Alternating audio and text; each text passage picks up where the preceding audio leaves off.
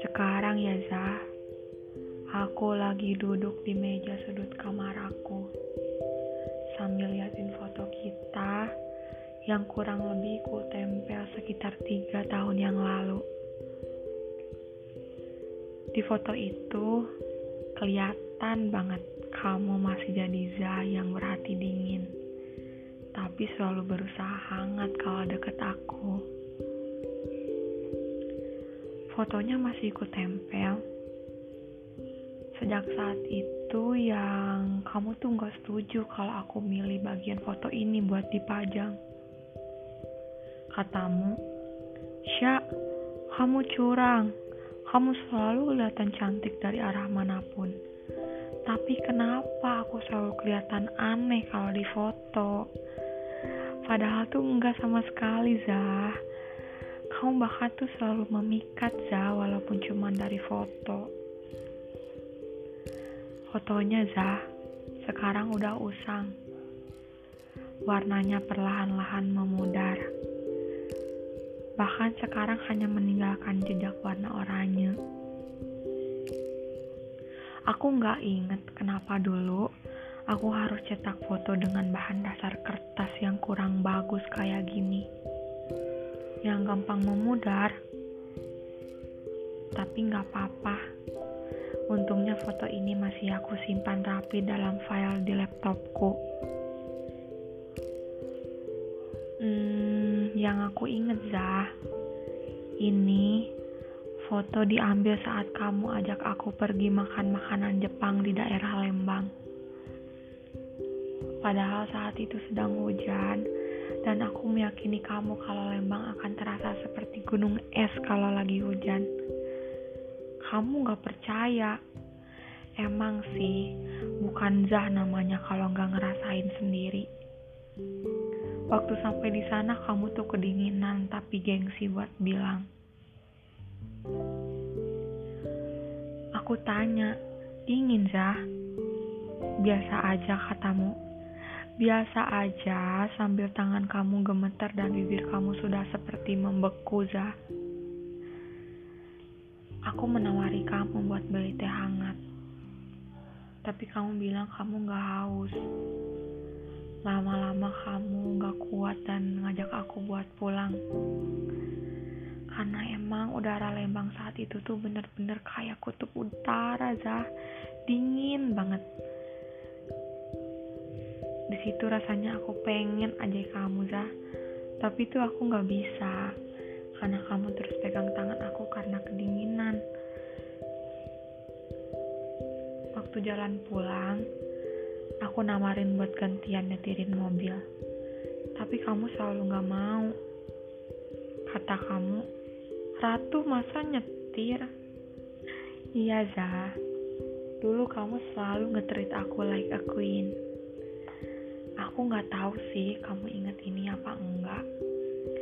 Tapi waktu cerita ini dimulai, aku bilang kalau teman-teman kamu tuh gak mau kamu jadian sama aku Zah. Karena kata teman-teman kamu aku cuma perempuan yang tiap hari ke kampus gak pernah gonta-ganti sepatu. Gak ada yang spesial Zah dari aku. Selain perempuan yang setiap hari ke kantin belakang kampus duduk sendiri sambil baca buku novel dan makan batagor. Tapi ternyata semenjak sama kamu Zah aktivitas aku yang kayak gitu tuh jadi biasa jadi nggak apa-apa. Dan kamu malah ikut dalam duniaku sambil terus berusaha menyukai apa yang aku sukai Zah meskipun aku pernah bilang kamu adalah manusia aneh dan keras kepala Zah tapi kamu beneran buat aku kayak jadi sosok yang ternyata aku tuh gak seburuk itu. Sampai aku mikir akhirnya ketemu manusia yang buat aku bener-bener jadi diriku sendiri dan bisa nemenin aku menjelajahi dunia aku Zah kebayang gak saat kamu memutuskan pilihanmu di aku, Zah. Seberuntung apa aku kalau ternyata aku bisa ketemu kamu. Tapi bisa-bisanya, Zah, kamu yang malah terus bilang kalau kamu takut kehilangan aku. Enggak, Zah. Aku yang harusnya takut. Benar saat kamu bilang kalau perempuan adalah makhluk perasa. Makanya kamu sampai gak mau menolak apa pun kemauan aku karena kamu takut aku tersinggung, Zah.